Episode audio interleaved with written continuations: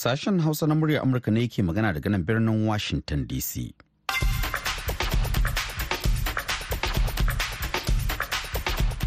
Masu raro barkamu da asuba da fatan an waye gari lafiya. Sunana Sarfila Hashim Kumel tare nake da Hauwa Sharif da sauran abokan aiki muke kama wannan shirin a yau ranar Alhamis 4 ga watan Janairun shekarar 2024. Kafin ku ji abin da muke tafa da su ga kanin labarai. A yau Alhamis sakataren harkokin wajen Amurka Anthony Blinken zai bar Amurka zuwa yankin gabas ta tsakiya. A jiya laraba Amurka da kawaye ƙasashe sha ɗaya suka ce mayaƙan Huti na Yemen za su yaba wa aya zakinta game da kai hare-hare a kan jiragen ruwa a kogin Bahar Maliya. Iran ta ce mutane 95 sun rasa ransu wasu gwammai suka samu raunuka a yayin wata fashewa. To kanan labaran kenan. Yayin da yunkurin samar da zaman lafiya a wasu yankunan arewacin najeriya yake cin tura. Wasu na ganin dole shugabannin al'umma sake tashi tsaye.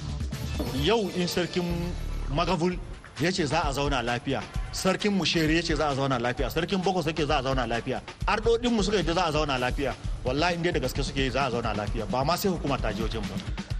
Daga nan za a ji cewa najeriya ta shirya tsab don kaddamar da manhajar da 'yan kasa za su iya cike bayanansu don neman fasfo cikin sauƙi to ina ganin abin su kansu hukumomin shige da ficen na ƙasa za su samu sauƙin cinkoson mutane sannan kuma za a daƙila hanyar cin hanci da rashawa. To Allah ya tabbatar da wannan yunkuri. Daga nan alheri abdu za ta shigo mana da shirin ta na domin iyali wanda ke duba kalubalen da hanyoyin warware su ga iyalai a duk inda suke. Amma yanzu sai a gyara zama domin sauraron kashi na farko na labaran duniya. Jama'a Assalamu alaikum barkanmu da asuba ga labaran mai karantawa Hauwa Sharif. A yau Alhamis ne sakataren harkokin wajen Amurka Anthony Blinken zai ba Amurka zuwa yankin gabas ta tsakiya inda zai fara da yada zango a Isra'ila a yayin da Amurkan ke ci gaba da tattaunawar diflomasiyya game da yaƙin da Isra'ila ke a Gaza cewar wani babban jami'in Amurka a jiya Laraba. Jami'in wanda ya nemi a saka sunansa ya shaida wa manema labarai cewa wani jami'in diflomasiyyar amurka amos hochstein shi ma zai kai ziyarar zuwa isra'ila domin ƙoƙarin ganin an yayyafa ruwa ga tashin hankalin da ke tsakanin isra'ila da hamas. Jami'in da ya bayyana cewa blinken zai bar amurka ne a daren alhamis ya kuma iya kuma yada zango a wasu manyan biranen ƙasashe da suka hada da na isra'ila. Bai ba da cikakken karin haske ba akan tafiye-tafiyen. A 'yan kwanakin nan ne shugaban amurka joe biden ya tattauna ta wayar tarho da firaministan isra'ila benjamin netanyahu a ƙoƙarin da yake na ganin an samar da hanyar shigar da taimakon jin kai cikin gaza. Daga nan an sako mutanen da hamas din ke garkuwa da su. A jiya laraba amurka da kawayen ƙasashe sha ɗaya suka yi gargaɗi ga mayaƙan hutu na yemen cewa za su yaba wa aya zakinta muddin ba su daina kai hare-hare a kan tarago taragon jiragen ruwa da ke bi ta kogin bahar maliya ba.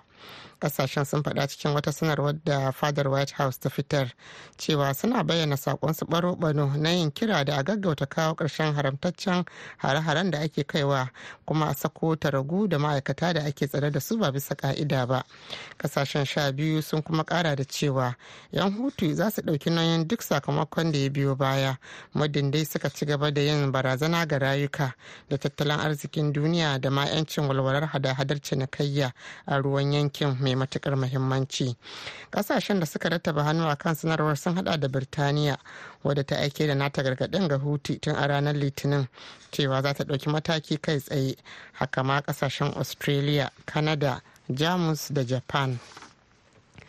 A mako mai zuwa ne idan allah ya kai mu babbar kotun majalisar ɗinkin duniya za ta saurari jawabi daga ƙasashen afirka ta kudu da isra'ila bayan da aka buɗe sauraron wata ƙara a birnin pretoria kan abin da afirka ta kudun ta kira kisan kiyashi da isra'ila ke aiwatarwa a gaza. Ƙasar afirka ta kudu na son kotun duniyar ta gaggauta ta kama isra'ila birki ta dakatar da yaƙin da ta wato da sojojin ta ke yi a gaza shari'ar da isra'ilan ta yi fatali da ita. A jiya laraba ne kuma amurka ta caccaki ƙasar ta afirka ta kudu bisa shigar da isra'ilan kara kan zargin kisan kiyashi a yaƙin da take yi a gaza. Ana sauraron labaran ne daga nan sashen hausa na murya amurka birnin washington dc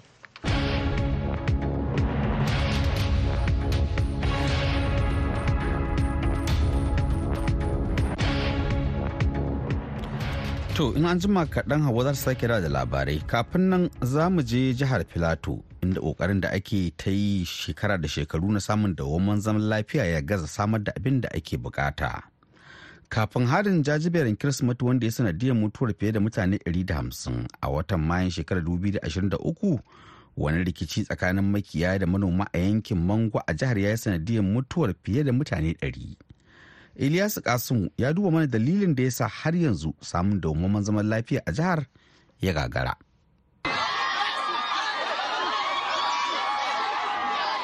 Wasu 'yan gudun hijira kenan suke nuna alhininsu ga halin da suka shiga bayan harin da wasu 'yan bindiga suka kai a ƙauyukansu da ke karamar hukumar bokos a jihar plateau arewa ta tsakiyar najeriya ranar 24 ga watan disambar da ta gabata.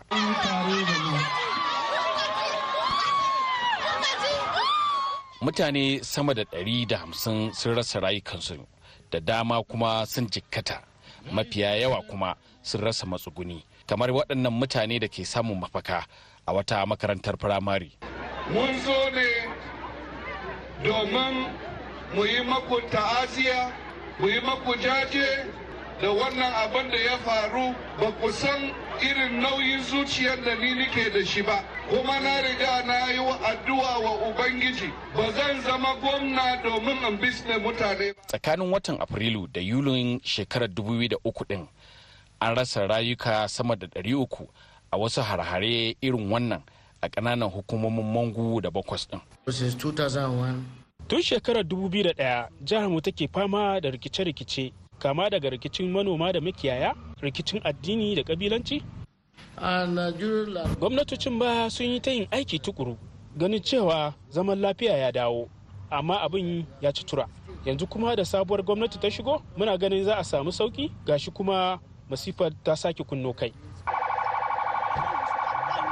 Wannan karan ma kamar a wancan har-haren hukumomin Najeriya sun ci alwashin ɗaukan matakai gami da tsaurara tsaro da shiga tsakani.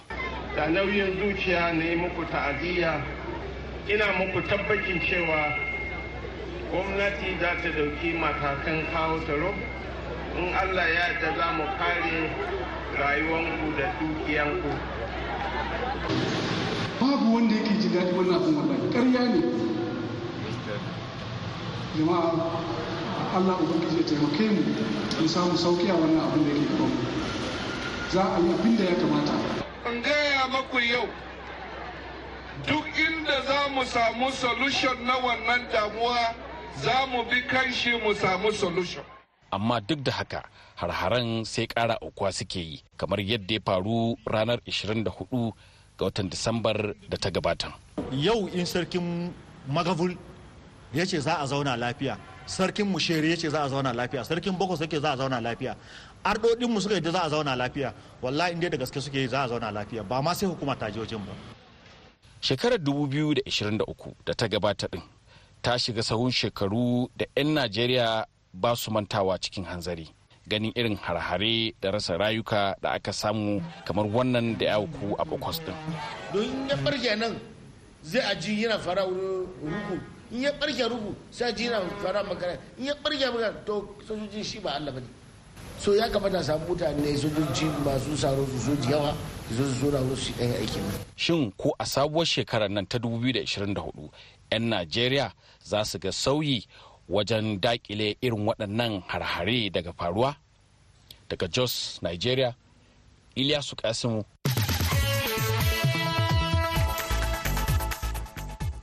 To a gaida Ilyas Kasimu har yanzu dai kuna tare da sashen Hausa na murya Amurka daga nan birnin Washington DC yanzu dai ga hawa ɗauke da kashi na biyu na labaran duniya. Iyalan amurka wanda suka mutu da waɗanda suka samu rauni a harin da hamas ta kai kan isra'ila na ranar bakwai ga watan oktoban bara na duba yiwuwar shigar da ƙasar koriya ta arewa kotu bisa samar da makamai kai tsaye ga dakarun falastinawa cewar wata lauyar isra'ila da ke wakiltar iyalan. Lauyar kuma mai fafutukar kare hakkin bil'adama ta isra'ila nisana darshan leitner ta ce ƙasar koriya ta arewa tana sane bisa niyya ta samar da makaman da hamas ta yi amfani da su wajen kai hari da ya shammaci isra'ila. Darshan leitner ta kara da cewa koriya ta arewa tana sane cewa makaman da wato makamanta za su je ga iran kuma iran din za ta ba da makaman ga hamas. Amma pyongyang ba ta taba gargaɗin iran din cewa kada ta aike da makaman ga hamas ba. Ta ce hakan ya sa koriyan ta shiga ciki inda ta kara da bayyana cewa ita da sauran abokan aiki na duba yiwuwar shigar da kara kotu a amurka kan ƙasashen da suka taimaka wa hamas irin su iran da koriya ta arewa a madadin iyalan amurkawan da harin na oktoban bara ya ritsa da su. A jiya laraba iran ta ce mutane 92 sun rasa ransu wasu gwammai suka samu raunuka a yayin wata fashewa da ta afka wani taron tunawa da wani babban janar din sojin ƙasar ta iran da wani harin jirgi mara matuki ya kashe a shekarar 2020 wani jami'in gwamnatin ta iran ya kira fashewar da harin ta'addanci da ya afku a kusa da kushewar janar kasim suleimani wanda ya taba zama shugaban dakarun juyin juya halin ƙasar ta iran. Da farko iran din ta ce mutane 300 ne tagwaye bayan fashe-fashen ya kashe inda daga bisani jami'ai suka bayyana cewa an ɗauki sunan wasu mamatan sau biyu don haka aka gyara abin da ya sa adadin ya ragu. Fashewa ta faru ne a kerman mai nisan kimanin kilomita 820 kudu maso gabas babban birnin ƙasar tehran. Babu dai wata ƙungiyar da ta ɗauki alhakin kai harin inda iran ɗin ta ɗora alhakin kai harin akan amurka da isra'ila.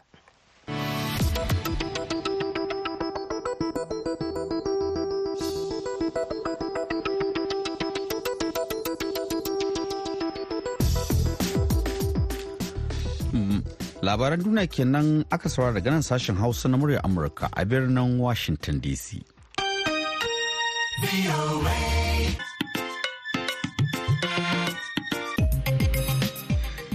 madalla.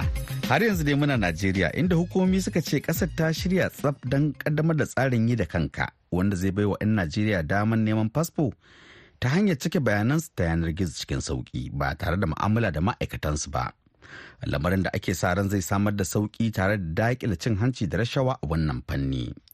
Wakiliyanmu ya basha ta haɗa mana wannan rahoton daga abuja. Ministan harkokin cikin gida ya tabbatar da cewa 'yan najeriya za su kasance wajen samun fasfo ɗinsu ta manhajar yi da kanka wato online. Olubunmi tunji oju ya ce wannan sabon tsari na samun fasfo zai fara ne daga ranar 8 ga watan janairun shekarar 2024 ministan na harkokin cikin gida ya kara da cewa 'yan najeriya da kansu za su cike guraben da suka tanadar a manhajar. Wanda zai ba su damar samun fasfo ba tare da sa hannun wani ma'aikaci ba. Tun ji Oju ya bayyana hakan ne lokacin da yake ziyarar aiki a babban ofishin masu duba shige da ficen mutane na immigration da ke birnin Abuja. Ministan ya kara da cewa tuni suka fara gwajin fara amfani da wannan sabon tsarin samar da fasfo kuma za su kaddamar da shi kai tsaye kamar yadda aka tanadar. Kazalika ministan ya ce wannan tsare-tsaren yana daga cikin muradun shugaba tinubu na cimawa sabuwar manufa kuma hakan zai taimaka wajen magance matsalar tsaro da kuma gano fasfon bogi. Shin koyaya 'yan ƙasar suka ji da wannan sabon tsari na samun fasfon yi da kanka da gwamnatin tarayya ke shirin kaddamarwa kamar ni muhammad ai muhammad na da zuwa ofis ɗin nan akan za a yi min fasfot. Sai da na ba da naira dubu talatin akan cewa za a yi mini kuma abin bai yiwu ba. To amma kin ga idan aka ce yau gashi an mayar da shi na wannan hanya ta zamani wanda kawai sai dai ka yi da kanka to ina ganin abin su kansu hukumomin shige da ficen na ƙasa za su samu sauƙin cunkoson mutane sannan kuma za a daƙila hanyar cin hanci da rashawa. gaskiya wannan abu ne na farin ciki yin hakan kasancewar matsalolin da ake fuskanta wajen yin fasfot saboda kwanakin baya mun mun fuskanci irin wannan matsalar ne da wasu abokaina. Mun so mu yi tafiya akan hakan muka je immigration mun fara process din tun daga kano. Har zuwa abuja. Da karke ma dai wasu ba su samu yin tafiyan nan ba. Aiki na cyber mai matsala daban. Service na internet matsala ne daban. Sannan wani mutane ne suna da kayan kasa akwai ƙasashe da yawa wanda suna bugo waya ba su da passport a can kasa inda za a yi magance wanda abun daidai ne amma muna da infrastructure a kasa a hirarsa da muryar amurka Rulwanu Ladan mai sharhi ne kan lamuran da suka shafi yau da kullum ya ce wannan sabon tsari na samun fasfo zai taimaka wajen rage cin hanci da ake zargin wasu ma'aikatan hukumar ba da fasfo ke yi. Game da mayar da fasfo cewa za a yi shi online a Najeriya idan muka duba matsalolin da 'yan Najeriya suka fuskanta inda aka fito daga extortions zuwa delay kana son ka sami fasfo ka je akwai ɓata gari waɗanda suke karɓar kuɗi a gurinka haka za ka sami delay wanda a rubuce ana yin abin nan cikin sati uku. Amma don ana son a sami wani abu gurinka ko kuma yawan waɗanda ake yiwa abu ne zai zo ya ɗauki lokaci.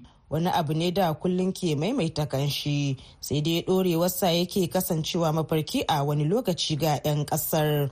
Rukayya basha muryan amurka daga abuja a najeriya. To madalla a gaida Rukayya Basha ana sauraron sashen Hausa na murya Amurka ne kai tsaye daga nan birnin Washington DC akan mitoci 19,31,49,60 sai kuma kilo talatin a matsakaicin zango. Ga masu sauraron mu a jamhuriyar Nijar za a iya samun a tashar mu ta VOA Africa akan mita 200.5 zangon FM. Ba ga ka a lokacin da ake so za a zuwa shafin mu na yanar gizo ta adireshin mu na voahausa.com. yanzu a nan washington dc agogonmu na cewa ƙarfe goma sha biyu da minti goma sha shida na dare. Yanzu kuma sai shirinmu na gaba. Ya allahu ya allah.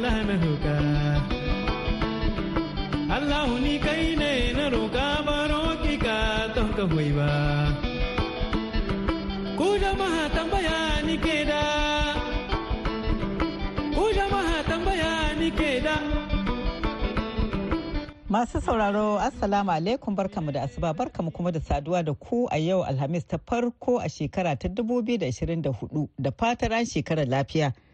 Alheri Grace Abdu ke muku fata alheri da kuma fata iyali na lafiya. Shekara ta 2003 ta wuce kuma kamar kowane fannin rayuwa yayin da al'umma ke san barka a waɗansu fannoni a waɗansu fuskokin kuma ta bar baya da ƙura da ake neman mafita. A yau Za mu yaya kallabin shirin na wannan shekarar ne da nazarin abin da ya zame wa al'umma wuya da kuma matakan da suke neman ganin hukumomi sun ɗauka domin samun ingancin rayuwa da ci gaban al'umman. Faro daga Najeriya, inda mu Baraka Bashir ta yi hira da mata 'yan gwaggwarmaya a jihar Kano da suka hada da Khadija Idris da Jamila Hamisu mai iyali da kuma Abida Sani. Waɗanda suka ambaci janye farashin man fetur da shugaba bola ahmed tinubu ya yi a matsayin sanadin matsi da aka fuskanta a shekarar da ta shige. A wannan shekarar da muke ban kwana da ita za mu ci abubuwa da dama ya faru duba da yanayin tsadar rayuwa musamman mu da muke ma'aikata dan abin da kake samu a ƙarshen wata da ka samu haka dan yi dan zubin da shi kai wa iyali kai wa yan uwa abokan arziki abubuwa. Amma cikin wannan shekara zan iya cewa abin gaskiya baya yiwuwa saboda tsadan mai. Idan da kina kashe dubu ashirin a wata saboda ki je aiki a dan abin hawan da kike da shi to bana abin ya kai ya ninka sai kin kai dubu sittin. Abin ya kai ma hawa sun aje ma ababen hawan su. Gaskiya rayuwa ta yi tsada sosai. Wannan kuma kuɗin mai da aka samu ya karu ya sa kayan masarufi. Komai dai ya yi tsada rayuwa ta yi tsada. In ma motar haya kika ce zaki ya sai kika kashe dubu biyu kamar zaki je ƙauye a da. Gaskiya abin da ba a cewa komai gaskiya. Bana dai kam ba zancen wani tanadi. Kawai abin da aka ringa mai da hankali shine dai a samu dai a ci a sha. Ki ji abin da ta faɗa? Shin ke tunda ke a gida kike ya menene ya tsone miki ido? Ina sai da siye da siyarwa. Komai da zaka fita ka siyo abin da aka siyo shi dubu ɗaya yanzu sai kin sa dubu biyu kin siya. Ga tsadar rayuwa. Komai yanzu harka ake ta abinci. Da abin da ka samu abinci ne.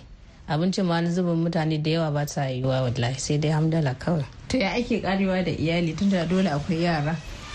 Tunda ai zamani ya canza idan ana rayuwa ce ta taimakakeniya ka taimaka wa mai gida mai gida ya wannan tunda hannu ɗaya kamar baya ɗaukan jinka aka ce ko?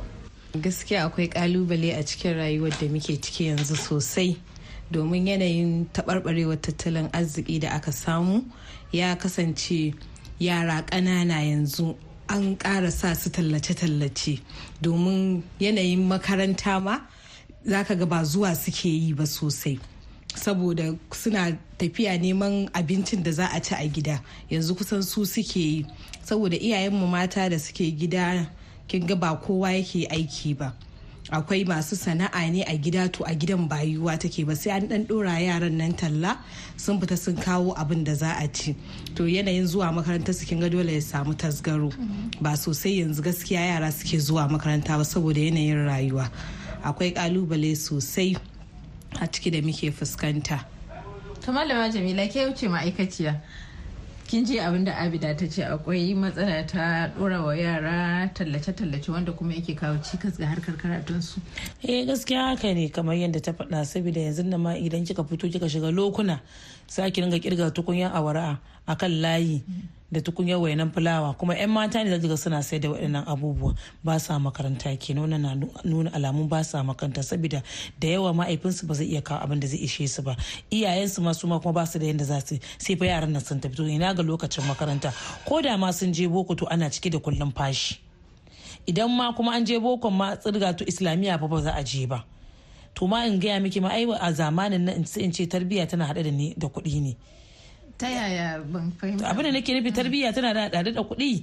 Idan mahaifi ba zai iya ɗaukan nauyin 'ya'yansa ba alal misali a daidai abin da ya shafi auduga da yarinyarsa budurwa za ta yi amfani da shi sabulu wanki hoda nan da aka san mace da kwalliya da shi. To kin gani na tarbiyya yake in ba zai iya bayarwa. Wannan kan sa yara ma su shiga wani yanayi. Shi yasa muke ganin abubuwa lalacewa kala kala musamman wannan shigowa ta zamani nan da zan ce cewa social media. Sai ki gani yara suna shiga suna abubuwa da suka ga dama sabin mai dan abin da saurayi zai yaudare su ya ba to kin gani ai duk yana haɗe da tattalin faɗuwar rashin tattalin arziki da yake faruwa a cikin ƙasar. To me zaki ce ta Wallahi har ta tuno min da wasu nan yara a bayan mutum suke. Wala ba su fi shekara biyar ba idan mangarba ta yi. Su suke zuwa su kwankwasa gida sai su ce don Allah taimaka musu da abinci. Sai an ba su tukuna su je su kai wa iyayensu. To su iyayen suna menene? Duk da dai an san akwai matsin tattalin arziki amma amma ni kai na abin ne mamaki dai koren nan alaka na gansu a nan gida bakwai yaran. Abin ba daɗi. Kawai suka biyo ni dan Allah kina da naira 20 na ce wallahi ba kuɗi da kuɗi a jikina. To yanzu ma iya yara ƙanana. matsin tattalin arzikin nan ne ya janyo taɓarɓarewar tarbiyya kamar yadda malama Jamila take faɗa. Wala rashin tukunyan awara daga farkon layi har ƙarshe an ɗora. Ita uwar an ce ba ta sana'a. Sannan kuma mahaifin ma ba shi da yanda zai yaran nan dai suke fitowa da mangarba da kwanansu za ki gansu da plus. Wala suna gida gida na Allah a taimaka musu da abinci. Idan suka je za su ci ɗaya. Ni a gabana na gani. Ɗayan kuma sai su kai wa uwar. to su al'umma ba ta da wani rawa da za ta taka a irin waɗannan matsaloli da dai an san akwai matsi na tattalin arziki? Wani abin kowa yana gidan kowa? Eh wani abun sai al'ummar sun furga. Tunda ita uwa ba ta iya fita kin ga yara ne. Ba wanda ma isan da kaina suke da can tsallake suke. Ba ma yan area na ba ne suke shigowa. Abida kin yanayi yanayin zamantakewa da ake ciki yanzu kowa kusan ta kai ta kai ake yi shi yasa ya kawo rashin taimakawar. Amma kin ga sabanin da in mutum yana cikin wani hali makotansa na jikinsa su suke fara taimaka masa. To amma yanzu an kai munzalin da zaki ga makotan kowa ta kai ta kai yake yi. Shi yasa zaki ga taimakon yayi karanci har sai sun ɗauki kwano sun yi nisa.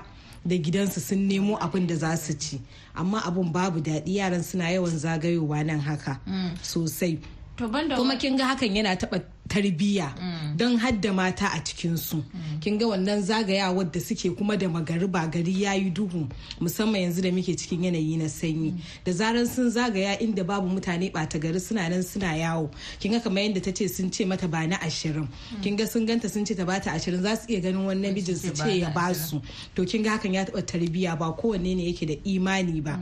Wani garin ya a ba su ɗin nan za a ja ra'ayinsu domin dan kuɗin da za a ba su a nan za a ɓata wa yara tarbiyya. Gaskiya matsin rayuwa da ake ciki ya kawo matsalar lalacewar tarbiyya ya taɓarɓara taɓarɓar tattalin arziki ya kawo taɓarɓarewar shi. Gaskiya ana cikin matsi a rayuwar nan. Domin wata da take gaya min wata 'yar makarantar mu ta ce saboda yanayin da suke ciki ta kasa biyan kuɗin makaranta. Yaranta da suke zuwa makaranta sun daina zuwa. Ta ce ta kai ta kawo har sai ta yi musu awara da safe sun fita talla sun dawo. Sannan suke samun ɗan abin da za su ci. Wanda da kuma ba haka rayuwar take ba. Amma yanzu abin sai dai addu'a. Ina mafita? to ai kafin mu kai ga ma mafita su ma makota su ma kuka suke a irin wayannan al'umma ko in ce community din. Su ma bai ishe su ba. To inda ake sayan yanzu siga ake sayan shi kwano ɗaya dubu huɗu? Hada to amma ke zancen siga? Abin da za a sha sigan da shi ma babu. Wannan ya tuna ta zane kwanakin can baya akwai wata ɗaya da aka ce ta mutu. Uban ya zo yana ta kuka. Wai saboda rashin abinci wasu ne yaran suka ɗau azumi yau su yi goba har yarinya ta mutu. To ina al'umma? To al'umma ma ya kamata ko yaya ne mu san mutum mu saka zuciya mu cewa ba sai ka ba da mai yawa ba. Idan a duk a cikin unguwanni kowane gida zai fidda kwano ɗaya ba bara ragowar abincin 'ya'yanka ba fa. Lafiyayye kamar yadda ka ci ka fidda kwano ɗaya ka ba almajiri ina ji za samu saukin rayuwa. To amma rashin taimako ko tattalin arziki ya sa mutane sun zama marowata. Kowa kawai kafa kafa yake iyakacin nasa. Amma dai ne mafita da nake ganin to gwamnati ya kamata fa ta shigo. Kadan kenan daga cikin tsaka mai wuya da waɗannan iyaye mata suka ce 'yan Najeriya sun shiga shekarar da ta gabata. Sai ku tare mu a shirin kallabi ranar Lahadi da ƙarfe tara da rabi na dare domin jin yadda suke ganin za a samu maslaha. Nan kuma za mu dasa aya a shirin na wannan makon. Sai kuma mako mai zuwa mu nufi jamhuriyar Nijar domin jin yadda aka shekara da kuma inda iyali ke so hukumomi su ƙara zage damtse.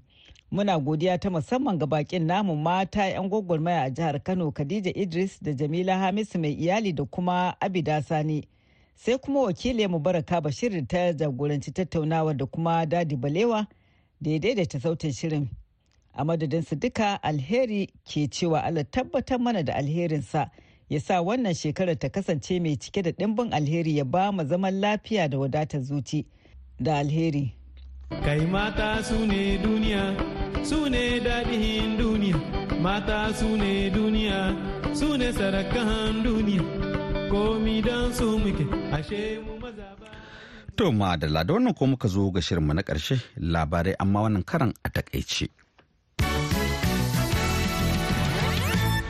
To filo a takaicen a yau alhamis ne sakataren harkokin wajen amurka anthony blinken zai bar amurkan zuwa gabas ta tsakiya inda zai fara da yada zango a isra'ila a yayin da amurkan ke ci gaba da tattaunawar diflomasiyya game da yaƙin da isra'ilan ke yi a gaza cewar wani babban jami'in amurkan a jiya laraba.